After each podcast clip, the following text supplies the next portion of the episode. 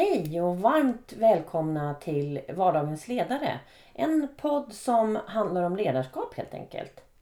Den leds utav mig, Jenny Johansson och eh, varje vecka så har jag med mig en ledare som berättar om sina utmaningar, behov och erfarenheter ifrån sin vardag.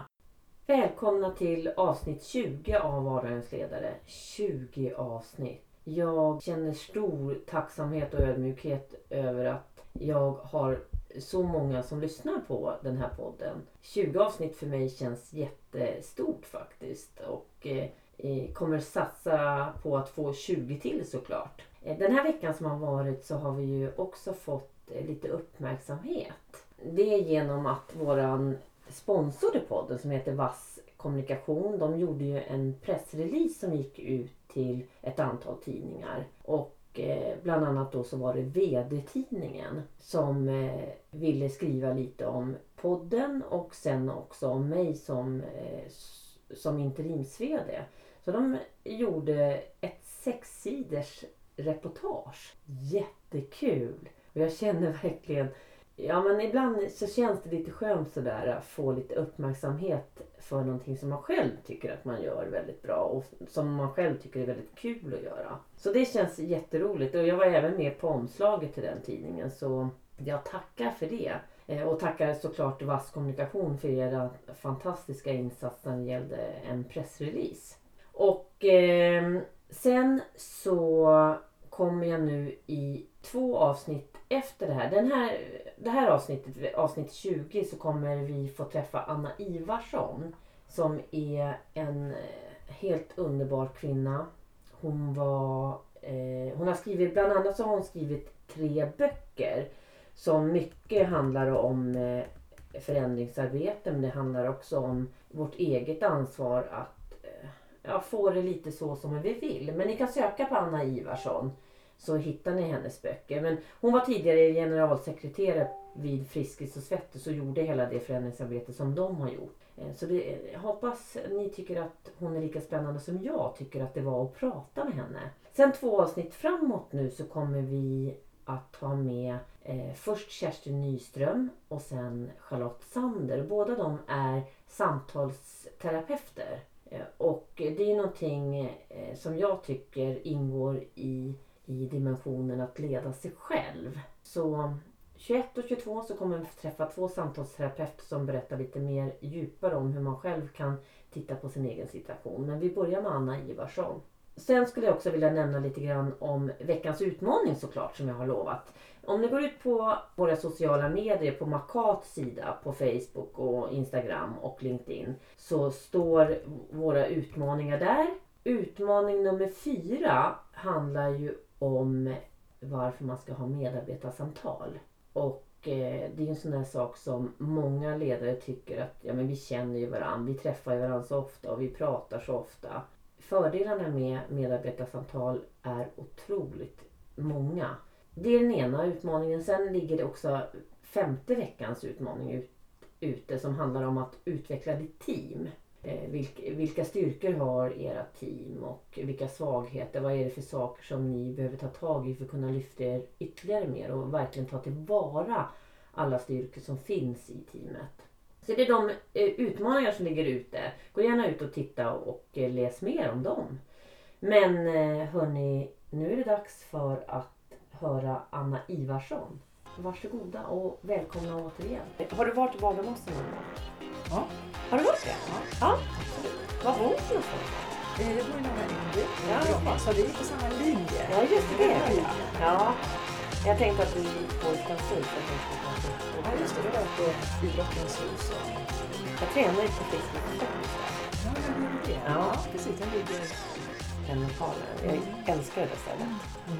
Anna Ivarsson, välkommen till Vardagens ledare. Tack så mycket. Så himla roligt att träffa dig. Mm, detsamma. Eh, och jag är ju extra glad för den eh, lilla stunden vi har haft innan här. Mm. För jag har ju fått massor med bra saker utav dig. Tycker du? Ja. ja, men då är det, då har vi ett utbyte. Ja, bra. Ja, det känns bra. Jag tänkte då börja med att fråga, vem är du Anna? Ja, jag visste ju att du skulle ställa den frågan och eh, den har Den är så lätt, eller hur? eh, Den är så lätt att Ja. fundera över. För det är, frågan är ju vem är jag och vem vill jag vara eller hur uppfattas jag av andra? Eh, och då behöver man ju faktiskt tänka till lite grann, eller jag behövde i alla fall tänka till lite. Men det är ingen tvekan om att eh, det är några linjer som, om vi pratar utifrån vardagens eh, ledarskap, som är bärande för mig. Då är det ju att jag är en förbättringsledare. Jag är en uthållig person som gärna ser möjligheter, eller alltid ser möjligheter. Och vill att det är de delarna i en organisation eller hos människor som ska få växa och utvecklas. Så att se förbättringar, mm. det har jag någon slags nerv som finns i mig inbyggt mm. i mina, mitt DNA. Det jag har lärt mig också som jag har eh, förstått det är att jag har en strategisk blick. Eh, jag ser gärna konsekvenser utav beteenden eller skeenden och det här handlar ju om att jag är också väldigt nyfiken. Jag har hela tiden en utblick. Eh, tittar väldigt mycket på och spanar väldigt mycket i våran omvärld. Både nationellt och globalt. Vad som händer och sker och har väl gjort så under många år. Eh, både tänker du, tänker du då både människa och, och, ja. och, och, vad som händer runt omkring? Ja, eller? både människor och mm. händelser, skeenden och, och vad, vi, vad det kommer få för konsekvenser snarare i en framtid. Vad, vad leder det här, eh, vår tidsanda i ett kommande skede för, för världen, för Sverige, för organisationer och för individer. Mm. Så jag jobbar gärna utifrån och in kan man väl säga. Mm, eh, och därför har jag också förstått att jag ligger gärna lite steget före. Mm. Jag tänker din bakgrund affärs, eh, yrkesmässigt. Ja, hur, den hur ser den ut? Ja, man kan säga om man drar det stora penseldraget så har jag ju verkat inom hälso-, sjukvårds och träningsbranschen i över 30 år. Mm. Eh, mina fötter har jag placerat på olika ställen genom, genom åren. Mm. Eh, och eh, som sjukgymnast och fysioterapeut inom akutsjukvården och senare också som chefsjukgymnast inom hälso och sjukvården under ett antal år. Till att vara generalsekreterare för en starkt växande organisation, ideell sådan, Frisk och Svettis i alla dess 12 länder. Mm. Till att jag idag är författare och föreläsare och eh, har ett flertal styrelseuppdrag så jag är styrelseproffs. Verkligen. Mm. Eh, jag tänker, om vi går tillbaka till det här med Friskis och Svettis. Ja. Den resan är ju utvecklande måste den verkligen ha varit. Och förbättrande. Ja, ja, på väldigt många ja. sätt. Förstås för mig i mitt ledarskap att eh, få leda en organisation eh, som på ett sätt var i ett väldigt dåligt eh, självförtroende kan man väl säga mm. i sin inledning. Klart en väldigt stark stolthet internt för det man gjorde och det man ville vara men kanske kände sig missuppfattad och missförstådd i ett omvärldsperspektiv. Mm. Så att verkligen få jobba med ledarskapet det var ju nyckeln för den framgången som fick vara under 12 år. Mm. Eh, som ledde till fantastiskt, ar fantastiskt arbete och roligt arbete. Mm. Som jag lärde mig mycket av. Ja, jag, jag vet ju själv att för bara, för bara 6-8 år sedan ja. så fanns ju inte tanken hos mig att jag skulle träna på Friskis Svettis. Nej, men utan var... det var ju Sats. Utan man, mm. man tänkte Friskis Svettis var ju mer kopplat till gympa. Mm. Mm. Idag så älskar jag att träna där. Mm. så det är världens skillnad på både kultur och Eh, sättet att se på träning överhuvudtaget. Jo men exakt och det är väldigt mycket det som eh, i ledarskapet som är viktigt också att föra in. Vad är det vi vill åstadkomma internt i en organisation? Det är en sak men vad finns det för förväntningar från omvärlden på att vi ska göra? Och det var väl kanske den, de dimensionerna som vi började jobba väldigt medvetet med. Mm. Sen var en var avgörande faktor det var ju just ledarskapskulturen, alltså vår egen kultur. Vad är det, vad är det vi vi är och vill vara och vad vill vi försöka åstadkomma på kanske ett högre plan när det mm. gäller träning. Och, är det några delar som du kan eh, bjuda på där som du såg var lite avgörande för den här framgången? Det som är eh, oerhört intressant och det gäller inte bara Frisk och Svettis, det gäller även andra ideella organisationer. Idag är jag ju engagerad eh, som ledamot i Riksidrottsstyrelsen inom svensk idrott och leder ett strategiskt arbete. Jag är ordförande för Svenska Gymnastikförbundet idag och och, och eh, har ett flertal andra styrelseuppdrag. Och det man kan se som är intressant tycker jag i den ideella sfären och det gäller förstås inom företag också. Det är mm. hur kan man ta tillvara vars och ens individuella entreprenörskap? Eh, och det blir väldigt tydligt i en ideell organisation eftersom man går ju in med, med sin passion. Mm, Man går in det. med sitt ledarskap, med, Mm. med sin vilja att få göra skillnad. Eh, Men det blir ju än viktigare i en ideell organisation att ge utrymme för det ledarskapet. Mm. Så det som jag mötte när vi går tillbaka till Frisk och Svettis, det Mm. var ju en stor mängd entreprenörer. Men det språket använde vi ju inte, man var, man var en ideell funktionär. Men om man ser det som att det här är ju människor som vill, vara, som vill göra skillnad. Inte bara för sig själva utan faktiskt för andra och till och med vara med och, och bygga en lite bättre värld. Alltså att människor ska må bra. Det är klart att det blir skillnad. Ja, det är klart att det blir skillnad. Ja. Ja. Och det här går ju att föra in i, i varenda organisation Mm. egentligen. Det är ju ingen skillnad. Men det som var viktigt för mig i mitt ledarskap och även för alla som hade en ledar, ledaruppdrag eh, i en förening eller i en styrelse eller som, som tränare. Eh, det är ju också att möjliggöra för andra att växa. Mm. Och, och då behövde vi också jobba med vår egen ledarskapskultur. Mm. Eh, På ytan kan man ju säga att Frisk och Svettis jobbade väldigt mycket sin marknadsföring eller man jobbar med lokaler. Och, alltså det är det som är på ytan men det viktiga arbetet det var ju det som vi gjorde på insidan. Mm. Nämligen med våra egna värderingar, vårt eget förhållningssätt till, till våra drivkrafter och vårt engagemang. Mm. Och, och då utmanades jag i mitt ledarskap eh, på många, många sätt. Och först i början så vill jag ju kanske förstås visa på att jag är duktig och jag gör rätt. Och, och, men, men då blir man också ganska snabbt ensam. Eh, och när jag kunde börja släppa på det att det här handlar inte om mig. Det handlar absolut in, inte om mig. Nej, Utan det här det. handlar ju om någonting mycket större. Det är en stor organisation som idag har över en halv Mm. miljon medlemmar. Och väldigt många ideella entreprenörer som vill vara med och göra skillnad. Och när jag kunde gå, förflytta mitt eget ledarskap att se det, att jag är en möjliggörare för andra att växa. Då blev jag också en bättre ledare. Vad var det för utmaningar som du stötte på som du kände att du behövde ta ett annat förhållningssätt runt det här? Och, och, och hur kändes det att släppa på de delarna? För det, jag, jag tänker så här teoretiskt nu när du pratar så Mm. förstår ju jag hela men jag, jag försöker tänka du som människa. Vad Jo, men- hände hos dig? För det, det kan ju inte ha varit så lätt som det låter menar jag. Nej, absolut inte. Nej. Det här var verkligen, eh, fick jag ju verkligen pröva mig i mitt ledarskap.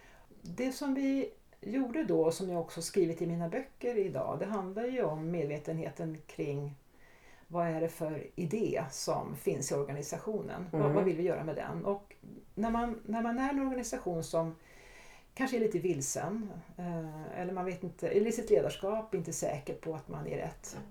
Då, börjar man ofta, då ökar ju oftast kontrollbehovet. Eh, Man söker oftast en struktur eller man Mm. blir tydligare i sina policies. Eller, alltså det, det är oftast det som växer fram, Ah, tydligheten. okej. Just det. Eh, och att så vi- kände du att ju mer du gjorde de där delarna så var du bara mer och mer ensam också. Ja, precis. Och desto det. mer kanske upplevelse av att det är några få som styr, inte alla. Och det vi behövde göra var att skapa en större delaktighet och större engagemang.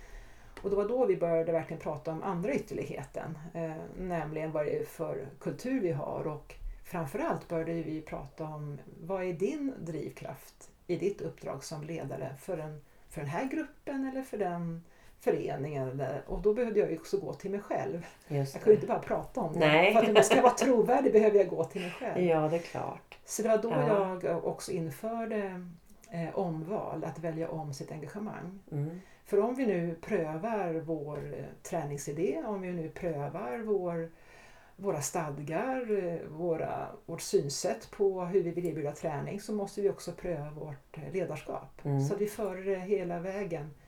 Hur kändes det när det vart, för det måste ha blivit en skillnad för dig där Det är någonstans? stor skillnad. Ja. Det är klart att jag insåg, eftersom vi var i en väldigt stark eh, framgångsvåg, så när det går väldigt bra då finns ju risk att hybrisen växer och den sked, hände hos mig också förstås. Mm. Eftersom när det går bra då ökar också min känsla av att vi gör rätt och jag gör rätt. Och, eh, Vi är så och, bra. och det, ja, det Mm. går så bra och man mår väldigt bra i den känslan. Mm. Men jag fick också möjlighet att, tänka, att, att reflektera över vad, vad blir min roll i det här? Och det var avgörande för mig var nog att jag också var på föräldraledighet en period.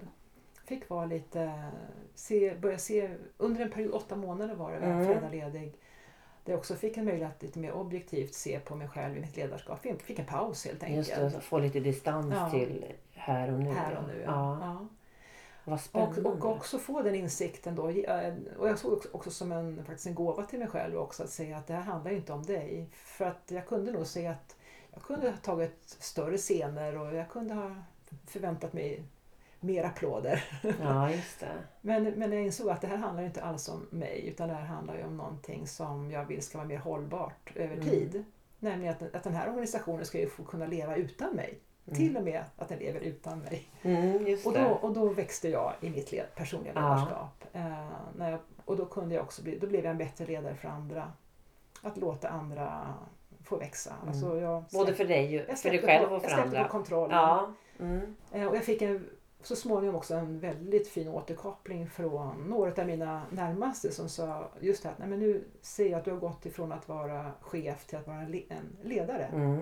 Och det var ett också betyg till mig att, från mina nära ska jag säga, så, att få en sånt, eh, det jag verkligen ville åstadkomma. Mm. Det kändes som lycka. Som, ja. Ja. Sen kan, går jag gärna in i ett skarpt chefskap också, så det handlar inte, men däremot så breddade jag min ledarskapsplattform ska jag väl säga. Det är väl det det handlar om, att kunna använda hela sin plattform och vara trygg i det. Verkligen.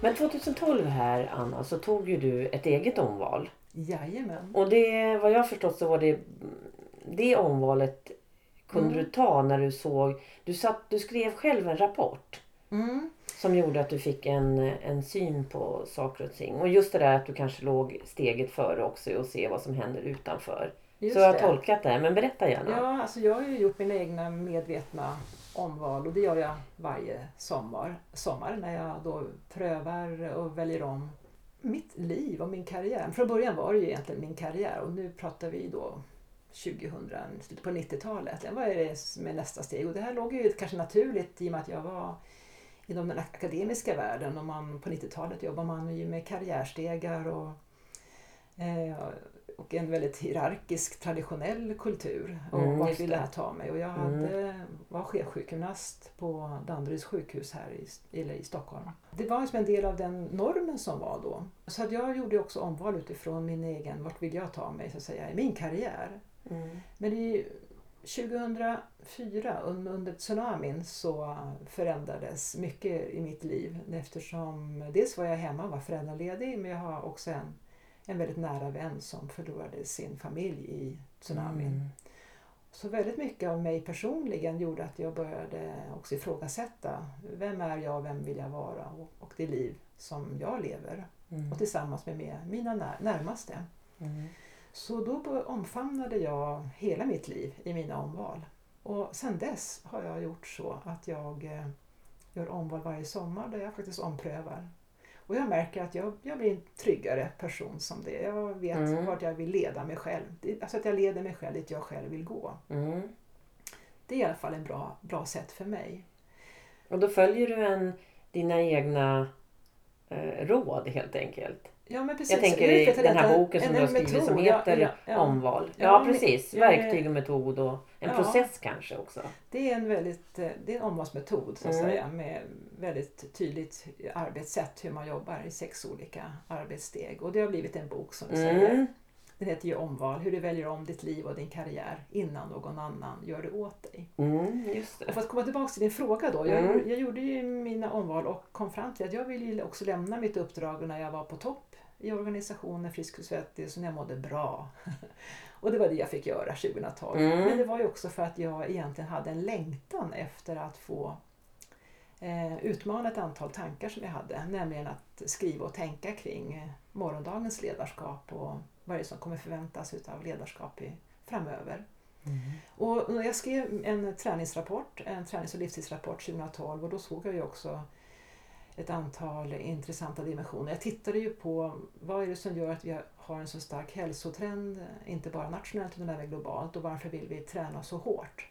Så den rapporten var jag ju, tittade just på den här extremträningen. Vad är det som gör att vi vill träna oss så utmattade? Mm. Men jag såg också i den rapporten att eh, den mentala ohälsan kommer att fortsätta. Den hade börjat begynna accelerera men det, det går i fel riktning kan man väl säga. Mm. Och det var då jag också insåg att min min metod var ett sätt kanske för att eh, berätta om den. Ja, men precis. För den hade ju fungerat i, Ja. i, i en stor organisation. Eh, Jag arbetade in omval både för verksamhet, eh, verksamhetsutveckling men också på individnivå hos ideella. Det blev ju ett begrepp i Frisk och Svettis, Mm. att göra sina medvetna val. Så att eh, jag började helt enkelt att eh, författa.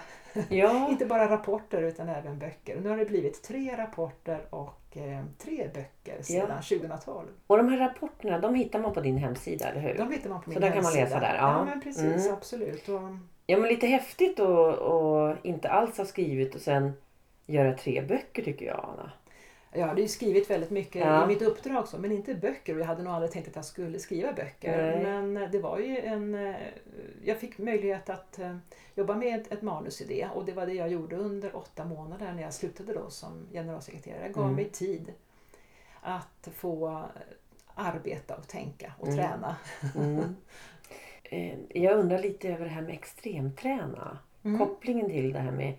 eh, Vad, vad var det du såg där? För att det jag se, ser är ju att eh, det kanske inte är så många fler människor som tränar men de som tränar tränar ännu hårdare. Mm. Eh, Det var också faktiskt Lofsan som tog fram lite undersökningar på det vet jag. Så att, Ja, men men när jag tittar på det så ser jag att det, det är det som sker faktiskt. Nej men det stämmer och det, där, Mm. det är det som jag tycker är intressant apropå ett ledarskapsperspektiv. För det är där Mm. jag vill komma in. Vad innebär det här då för arbetsgivare Exakt. till exempel och i ledarskapet när det Egentligen, det här är egentligen en, en norm snarare, en, en idealitet eller en, en imagefråga kanske. Att Mm. bygga upp en image kring att ha en em, förmåga att kunna träna sig utmattad eller klara långa lopp. Och det är ju väldigt många chefer och ledare Mm. som gör det. Det stämmer, det finns Mm. ett, ett, direkt samband med det. Att man sätter upp ett mål eh, och man klarar av att fullfölja sin målbild. Och man har byggt upp en slags projektplan. Och det visar ju också på ett ledarskap, att man kan också nå en måluppfyllelse eh, och eh, också klara det med ett gott resultat. Mm. Och det är en del snarare som jag skriver också om i min rapport just när det handlar om vad är, egentligen, vad är, vad är som sker i samhället, vad är det för tidsanda vi lever i. För att om man, om man drar det stora penseldraget kan man se att eh, normen på 90-talet var ju att vara lång och smal. Men, att, men nu har vi gått ifrån att, liksom, att från vara stark har blivit det nya smala. Just det. Alltså en sportig, atletisk Mm. eh, hållning, en trygg och stabil insida. Alltså det är en framgång. Och vad gör det då med vår syn eh, på att man uppfattas vara en trygg och stabil och man kan till och med ha tid för träning. Och, alltså hur ser vi på det ledarskapet? Ja, hur, gör vi? hur ser vi på det ledarskapet? Ja, det är intressant. Det, alltså det finns en, en koppling till att eh, det verkar vara en, lyckad person eh, som lyckas få ihop den här helheten eftersom vi idag letar efter balans och vi försöker få ihop ett livspussel så imponeras vi av den bilden eh, Mm. som vi gärna kanske vill visa upp. Mm. Och det intressanta med eh, ordet, begreppet stark är ju också det här med individualismen i det här, individen, att, att klara sig själv. Och i en toppposition till exempel i ett ledarskap så använder vi också begreppet att man är ensam på toppen. Och, och på sikt så ser jag ju att vi är, vi är just nu i, i en ytterlighet där, där det kommer vara passé. För det, är, det kommer inte vara inne att vara, att vara ensam. Nej, för det känner jag också. Jag känner, jag känner så instinktivt när du pratar så känner jag så här, nej men dit kan vi inte gå. Nej, Va? och, och det, den, vi, har, vi har ju nått den kurvan Ja, nu så nu är så vi vi måste- tillbaka. Alltså, men det ser man ju Precis. också i flera ungdomsbarometrar globala att eh, alltså, in- individualismen har ju nått sin peak nu där Mm. det snarare går mot vi är individen i gruppen att känna en tillhörighet och det är ju, vi, vi lever ju i en rest av det nu och det är fullständigt eh, meningslöst att vara ensam Ja men på verkligen. och försöka vara stark på Ja. ytan. ja. Men vi har ju byggt upp en sån, det är ju vår tidsanda och det är det som jag försöker beskriva i mina rapporter. Vad det, för ti- vad det, det här är en effekt av våra tidsandor så att säga som, som sker Mm. i samhället snarare. Mm. Och, men du har helt rätt i att det är inte fler som tränar eh, och det är väldigt få som tränar på det sättet. Mm. Men däremot eh, att till exempel gå in i, en extremträning, att gå, vilja, att vilja gå all in. Om man nu till exempel håller på med yoga eller mindfulness eller man, man går all in. Man blir eh, en yogi eller man Mm. blir en person som verkligen bygger in mindfulness i hela sitt. Det är också en, en form av extremträning. För man går in med hela sitt holistiska Mm. synsätt i någonting. Att få nörda in i någonting är ju också ett sätt för oss att vilja avgränsa. Alltså det är ett sätt för mig att skapa fokus. Mm. Eller, eller att få koncentrera mig på min kropp och min andning. Det är ju oftast det som, som jag får höra från väldigt många som beskriver var, sitt varför man varför Just man gör det. det man gör. Men även sådana som tränar styrketräning? Du menar även så eller menar du bara sådana Nej, men- som håller på med just yoga och mindfulness? Nej, jag eller, tänker alltså i, i eh, alla... Om du kör spinning eller om, att du går all in där eller om du... Det kan vara det. Cyklar ute på eller att man vägarna, eller- utvecklar en, en unik hobby för någonting. Ja, just det. Eller ett hantverk eller att verkligen få lä lära sig eh, dansa. Alltså man, Mm, man vill verkligen gå in och det, det här visar ju snarare på vår längtan efter att få liksom, avgränsa och fokusera och få använda kroppen och knoppen tillsammans. Mm. Ja, men bara precis. vad roligt. Jag hashtaggar ju alltid kropp och, och knopp. Ja, När ja, jag, ja. Jag eh, brinner för att eh, ja, mänskligheten ska få ihop kropp och knopp. Äntligen! Ja, men verkligen. Det är nu det händer. jag ser en annan sak i det här Anna. Jag vet inte. För när man nördar in sig på sådana här saker Ja, så ser jag också en koppling till att det är en tillhörighet i grupp. ja. bra. Eller hur? Ja, exakt. Jo, för det kan man ju tydligt se att det, de där personerna yogar, de kör Bra. mindfulness och de kör eh, någonting som är jättetydligt för mig i alla fall är Mm. sådana som cyklar. Ja, absolut. Nej, men det är det här med individen i gruppen nu. Att Mm. man vill vara med i ett sammanhang med likasinnade men ändå var, liksom bli respekterad för den man är. Alltså vi, kan, Mm. vi är olika, vi har olika bakgrund, olika historier. Men vi möts kring ett gemensamt intresse. Och vi delar liknande värderingar kring det vi ska göra tillsammans. Mm. Sen kanske man lever andra liv och det, det är den nya, ja, ny, nya tidsandan som vi är på väg in i nu. Att skapa sådana plattformar. Det ger, ger möjlighet till eh, att få fokusera tillsammans med personer som jag Mm. ja, vill vara med en stund. Eller, Och ser du också då en, eh, en möjlighet för företagen att jobba så här? definitivt. Ja. Det, om man tittar på, jag kommer släppa min nästa rapport här nu eh, inom kort. Och då kom, jag har ju skrivit min rapport Sitta är det nya röka. Mm. Och nu kommer uppföljaren här nu och då kommer jag göra mer fokus just på sittandet eh, när, när det ökar. Mm. Eh, med, men i en digit, digital livsmiljö, vad gör det då med, med hjärnan? Och, och det är ju, finns ju, det är ju högaktuellt varje dag, Verkligen. varenda media. Mm. Men det jag gör är att jag drar ett strå till då när det gäller att komma till vad innebär det då i ledarskapet. Och det är klart, att vad innebär det då för ett företag eller för en organisation att eh, ha en, en digital livsmiljö där Mm. en del kommer att ta ansvar för sin hälsa och sitt välmående genom att göra medvetna omval, alltså ut, ut, träna på sin mentala hälsa men också sin fysiska hälsa. Nämligen att se till att man tränar så att man får bort stresshormoner och sådana saker. Mm. Eh, Men det som arbetsgivarna, det som jag kommer också lyfta fram i eh, rapporten handlar ju om också det, som, det ledarskapet som vi kommer efterfråga. Det är också en möjlighet eh, när min arbetsgivare kan guida mig i att ge mig möjlighet att få fokusera i vissa perioder. Att få koncentrera mig i vissa perioder, alltså att skapa avgränsning. Mm. Den strukturen kommer man som ledare och chef i vardagen tror jag behöva, det skriver jag om, eh, behöva förstärka. För att skapa en, en kultur till det, en tillåtande kultur Mm. till det. Alla blir vinnare om en, som medarbetare känner en dag, eller, eller även som chef, att det, när jag gick till jobbet i morse eller när jag jobbade hemifrån eller var jag nu jobbade så hann jag klart det jag hade föresatt mig. Eller när vi skriver vår avgörande affärsplan eller eh, vad det nu skulle kunna vara. Att vi faktiskt känner att den är väl genomarbetad. Vi har jobbat djup, på en djupt plan, Mm. grundligt Ja, med fakta och kunskap. Mm. Vi har jobbat avgränsat och fokuserat, vi har plockat in specialisterna. Då blir alla vinnare när man skapar sådana olika ja, arbetssätt. Precis, och, och miljön. Och, och jag tänker, hur gör man det då som ledare och chef? Och det här behövs ju ett ledarskap i det här. Ja. Att, att ge möjlighet både för sig själv att, att tänka klokt eller att skapa forum för att tänka klokt tillsammans. Mm. Och, Har du några eh, bra knep? Ja, alltså jag, det, det är väldigt många goda exempel som, som sker just nu runt om. Och jag vet att några eh, företag de till jobbar verkligen med att nu har vi fokusmöte. Eh, vi, vi har möte en halvtimme istället för en timme. Men under, vi, vi lägger också ifrån oss alla telefoner under en halvtimme.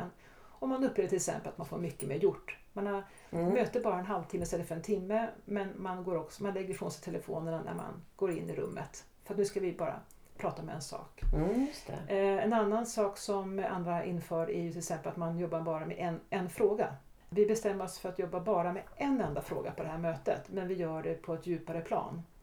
Eh, vi, jobbar, vi jobbar frågan färdig. Det var ju himla spännande man jobbar tycker jag. Färdig. Ja, så inte frågan behöver följa med på tre möten framåt Nej, sen att man igen. inte har en agenda. Oftast mm. har vi så mycket vi ska rapportera och så. Men att man jobbar bara med en unik fråga mm. och sen så skiljs man åt och så går, kan man kanske färdigställa och skicka till varandra efteråt. Mm. Också utvecklas nu, det är ju walk and talk möten. Det är um, verkligen vara i rörelse när man, att, att få en effektivitet i det. Mm. Eh, och också kanske samordna det på ett väldigt bra sätt. Att man jobbar just med en fråga. Jobbar mer temaspecifikt, mer mm. utvalt.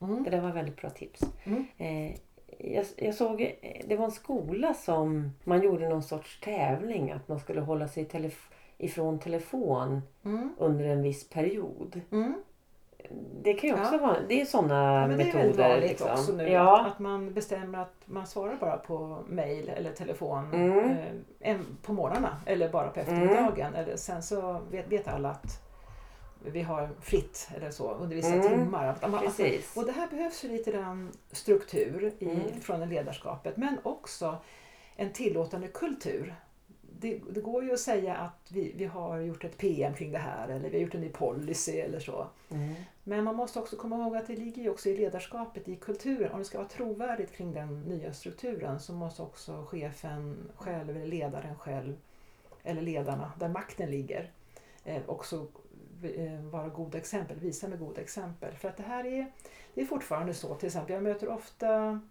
organisationer när man pratar om att vi vill ha mer aktivitet till exempel. Och jag pratar gärna om walk and talk-möten som ett sätt eh, för att jobba kreativt mm. men också jobba väldigt fokuserat i vissa frågor. Eh, och när vi då kommer in på begreppet fin och fulkultur, alltså är, vilket är finast? Är det, är det fint? Eh, är det, är det okej okay att ha ett walk and talk-möte eller krävs det ett bord och stolar i ett konferensrum om det ska vara ett riktigt möte. Alltså vad, vad är ett riktigt möte hos er? Det där tycker jag är jättespännande. Ja, ja ett riktigt möte det är ju oftast ett, runt ett bord med stolar mm. med stängd dörr och i ett konferensrum. Men, men går det att ha ett lika bra eller kanske till och med ännu bättre möte om ni först samlas i rummet, bestämmer vad ni ska ha för tema för en kreativ process eller ni har en knäckfråga ni behöver lösa och sen så går ni ut eh, tre och tre, 20 minuter och så kommer ni tillbaka och så summerar ni vad var det ni resonerade om. Jag kan lova att eh, det kommer komma nya dimensioner på bara och eh, lösningar som kan Verkligen. vara effektiva. Än att sitta runt ett bord och försöka ja. liksom, diskutera fram. Mm. Men, men det är det här med fin och fulkultur. Ja. Är det verkligen ett riktigt möte då? Men eh, sen kan man ju också att det handlar lite grann om tryggheten hos ledaren. Mm. Att det handlar om trygghet, eller hur? Mm, mm. Eh, och sen också när vi pratar digitaliseringen så mm. handlar det kanske också om accepterande mm. vad som faktiskt har vad som händer här ute. Mm. Jag träffar ju på, det gör ju säkert du också Anna, ledare som faktiskt de pratar att de måste tänka till på det här med digitaliseringen. Har vi inte redan passerat det? Ja men det är jätteintressant. För Eller hur? Och det där är intressant man tittar på historiskt också. Man gick ifrån tidigare när vi hade kontor i korridorer och sen när vi kom till att öppna kontorslandskap. Så den som var mest nöjd med öppna kontorslandskap, eller om man ska liksom generalisera, Mm. chefen såg att nu jobbar ju mina medarbetare och chefen blir mer nöjd när medarbetarna pratar med varandra. Medan medarbetarna tycker att det är störande när, man, när folk pratar med varandra och ropar i, i det öppna kontorslandskapet. Just. Men chefen blir nöjd för att chefen ser att eh, ja, Det nu, nu är det transparens Mm. den, här, den här tiden. Mm. Och nu är vi i en ny, ny anda där vi då längtar efter att få jobba fokuserat och koncentrerat Mm. och kanske välja andra miljöer än, än det öppna kontorslandskapet. Men Mm. då, måste, då, brist, då kanske den kontrollerande chefen tappar lite av den kontrollen. Jo, och då behöver man vara trygg som du säger. men då har man ju kommit in med det här aktivitetsbaserade arbetsmiljöer, eller hur? Mm. Att man Mm. har stängda rum och öppna rum och att det Ja, är lite blandat. precis. Så det, det är ju bra. Det kan Ja. man ju ta till sig som en, en enkel åtgärd faktiskt. Absolut. Men det är också självklart utmaningar i det. Ja. Eh, Du var inne lite grann på det här Anna med makten Mm. i, i ledarpositionen. Mm. Och det tycker jag är lite spännande. Mm. Hur tänker du? Ja, men jag tänker just det här på hur ledare ser på sin roll. Om de ser sig ha makt i Mm. sin roll. Och som du brukar prata om det här med när de tog beslutet att ta den här rollen. Mm. Eh, har man tänkt då på att det är Mm. en maktposition man faktiskt tar? Ja, men det, det där är intressant. Som mentor har jag nu också varit i ett 30-tal år och när jag möter just chefer och ledare och eh, vi pratar makt så är det alltid lite spännande att se hur, hur resonemanget går eftersom vi har ett, eh, ett enkelt förhållningssätt till viss del men också lite kluvet förhållningssätt till begreppet makt. Men det som jag, varför jag vill prata om makt det är ju därför att, att, att inneha ett, eller att inta ett ledarskap gör, gör ju också att man har makt. Makt över människor och makt över en organisation, verksamhet och så vidare. Oavsett om den är liten eller stor. Men man har ju också en stor makt över andra människor. Mm. Men eh, min erfarenhet är också att en, en del ledare inte ser sig som att man har den makten. Och det där tycker jag är så intressant. Vad, vad, gör, vad gör makt med oss? Verkligen. Många kanske uppfattar att man har tagit på sig en roll för att andra tyckte att man passade att vara ledare. Eller man blev smickrad kanske eh, att bli, få vara ledare eller Mm. chef. Ja, det, var liksom, eller det var en naturlig del i karriären eh, helt enkelt. Men medvetenheten om varför man vill vara ledare och framförallt kanske vad den makten gör med en själv, att den medvetenheten inte alltid är så stark. Mm. Och därför tycker jag det är så viktigt att eh, man blir medvetenhet, medveten om att man faktiskt har makt och vad den möjligheten innebär. Mm. Men det är klart att har man inte koll på det så kommer ju ens underliggande drivkrafter leda, led, leda den ledaren. Ja, verkligen. Eh, omedvetet kanske. Ja. Och därför är det bättre tycker jag att man blir medveten om vad makt gör med en. Mm. Och jag tänker också med, om man tänker medarbetarperspektivet. Ja. så är det ju inte alltid acceptabelt att uttala att ledaren har makt. Nej. Och man kanske inte än heller eh, accepterar att det uttalas åt andra hållet. För, förstår Ja, vad jag men- ja, menar? Det är att det, intressant för samtidigt så är, ju, är vi verkligen i, i förändringens tid med omställning på de flesta arbetsplatser i organisationer oavsett om det är en liten eller en stor. Mm, Så på ett sätt så förväntar vi också ett stabilt och tryggt och tydligt ledarskap. Om det är någonting som jag har lärt mig under de senaste två åren när jag pratat om, med min, om min föreläsning Mod att leda så är det ju vi, vi söker ju modiga ledare, eller medarbetarna, i, om jag ska också generalisera Mm. så, så är det ju ofta att vi vill ha ett tydligt ledarskap. Särskilt när vi går igenom ett förändringsarbete och särskilt nu när vi till viss del också är förändringströtta. Mm, just det. Alltså ett förändringströtthet så Mm. söker vi snarare ett kraftfullt ledarskap och tydligt ledarskap. Det kan jag också ha en erfarenhet av att eh, att leda i förändring innebär ju också att, att, att vilja leda, att va, ha mod att leda Mm. i förändring. Att ta medarbetarna eller att ta organisationen in i nästa utvecklingsfas. Mm. Ja, det, det krävs ju ett mod att leda och där har man makt att påverka hur det kommer kännas. Mm. För Precis. medarbetarna. Och just det här att man både som ledare och medarbetare inte är rädd för att tappa det här med demokratin. Nej men precis. öppenheten. Nej, men det- Vad är det mer för delar vi pratar om? Nej men exakt och det är oftast det vi, vi tror att det blir liksom totala motsatsen att man ska bli toppstyrt så att säga. Och det är inte det det handlar om. Det jag, det jag vill belysa det är ju egentligen vad makten gör med dig i ditt ledarskap. Hur den påverkar dig att ha makt. Mm. Att vara medveten om att man har makt men vad den gör med den och sen förhålla sig till det. Det är ju det som är det intressanta. Och då kan det ju skapas ännu mer Ja. öppenhet, delaktighet och... Ja, Det är absolut. då man kan börja verkligen skapa den här transparensen och öppenheten. Ja. Men Anna, dina tre böcker nu. Va, de kan man också hitta på din hemsida, eller hur? Absolut, Ja. de finns ju förstås på alla olika boksajter. Men det är tre delar som har en eh, röd tråd. Absolut. Eh, Man kan väl säga att de har verkligen eh, om man säger hållbart ledarskap eller hållbar organisation, hå- hållbar utveckling. Eh, Där den ena boken, Omval, handlar just om ditt personliga ledarskap eller ditt medvetna ledarskap, Mm. ditt självledarskap. Min bok nummer två, Ram och kram, ledarskapets betydelse för organisationskulturen. Det handlar ju verkligen om ledarskapets betydelse för att utveckla en kultur. Eller ibland ledarskapets oförmåga att leda engagemang. Det här med att leda engagemang är ju spännande. Mm? Och sin egen förhållningssätt till det. ja, och mycket, mycket pro- prat om också. Mycket prat. Mm. Och min spaning, jag skriver ju också till trendrapporter här nu om att eh, organisationskultur kommer ju trenda 2017. Mm. Så det blir spännande. Och sen den senaste boken som jag skrivit tillsammans med författare som heter Hans-Olof Öberg. Det handlar om plikt eller passion i ledarskapet. Mm. Och det är också en väldigt konkret inspirationsbok. Vad är det plikten eller är det passionen som leder dig i ditt ledarskap? Och det där ligger ju också verkligen i tiden. Det ligger också i tiden. Ja. Och jag sorterar liksom i de här begreppen med pliktbeteende och pliktkänsla. Och Mm. det kanske inte är så dåligt alltid. Nej, verkligen. För alla de här böckerna är... Det finns mycket arbetsmoment i dem. Övningar och, Absolut. och så att man praktiskt kan använda dem faktiskt i sitt eget ledarskap, Hands-on. eller hur? Ja. Ja. Mm, visst. spännande. Ja.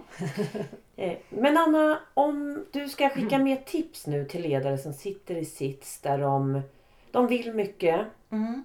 De kanske inte har riktigt koll på det här med varför tog de den här rollen och vad det är, är det egentligen som driver dem? Mm. Och vad är det för ansvar de har och, Mm. och vad kan de göra med det? Vad, vad, vad skickar Mm. vi med för tips där?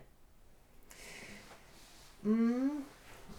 Jag tänker så här att eh, ibland så kanske man behöver sätta på sig ett par eh, objektiva glasögon och titta på sig själv ett utifrån och in perspektiv. För jag tänker att som ledare och chef så vill man ju väldigt gott för sina medarbetare och sina närmsta. Man vill visa dem respekt för att de får feedback. Mm. man, sett, man bidrar till att medarbetarna får mål, mål för sitt arbete och man finns till hands. Mm. Eh, Så man vill visa väldigt mycket respekt för det, för att och ta ansvar för sin, i sin roll gentemot andra. Men om man nu börjar ställa frågorna till sig själv, hur mycket respekt visar jag mig själv? I mitt ledarskap, respekterar jag mig själv eller gör jag mig själv till en urvriden trasa? Alltså hur gör jag, vilka förutsättningar ger jag mig själv att eh, faktiskt få växa i mitt ledarskap för att kunna också skapa förutsättningar för andra att växa. Mm. Så det kanske handlar om att ställa sig i spegeln faktiskt och de frågor som man ställer till sina medarbetare eller de förväntningar man har på sina medarbetare. Om man bara testar, eh, ett experiment kan vara att ställa exakt samma frågor till sig själv Mm. och se vad man får för svar. Mm. Ja, men det där tycker jag var väldigt bra. Mm. Det, det kan vara en bra start. Ja, verkligen. Ja, För man behöver börja någonstans. Ja, bara att, att, som ett Mm. experiment. Man behöver inte göra det svårare än så. Nej. Just de frågorna och de och det behöver inte komma och- ut en bok utan det nej, kan... nej. Men bara att bara saker. testa ställa Ja. de frågorna till sig själv. Precis Verkligen. det man gör med sina medarbetare. Bara för att Mm. pröva Mm. och se vad som händer. Mm. Och kanske orka vänta på ett svar. Att inte ha för bråttom.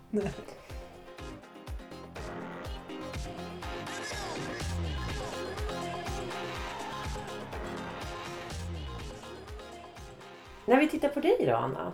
Mm. Vad är det för ord som du känner att det här är jag? Just idag Mm. och just nu och inför 2017 så är jag, som jag känner väldigt starkt, som jag har med mig varje dag, är just att jag känner en stor framtidstro. Ja, men med tanke på det sammanhang och den, den värld vi lever i. Jag, Mm. jag känner eh, hoppfullhet och jag kommer göra allt som står i min makt för att bidra till Mm. att göra ännu mer gott. Ehm, Det, känns, det, det är jag idag. Och, och precis, ord som du tycker beskriver dig. Vad kan det vara? Nej, men att jag, jag är villig att ta det ledarskapet i, Ja. i de sammanhang där jag finns och där jag är. Och eh, med engagemang och uthållighet Mm. leda mig, leda framöver. Anna, jag hoppas verkligen att många läser dina böcker. Mm. Det är många som behöver dem och jag är jättetacksam att du har skrivit dem. Och jag är jättetacksam att du har varit med i den här podden. Ja, tack för utbytet och Ja. engagemanget. Hoppas vi ses igen. ja, men det gör vi. Ja. Mm. Ciao! Ciao, hej!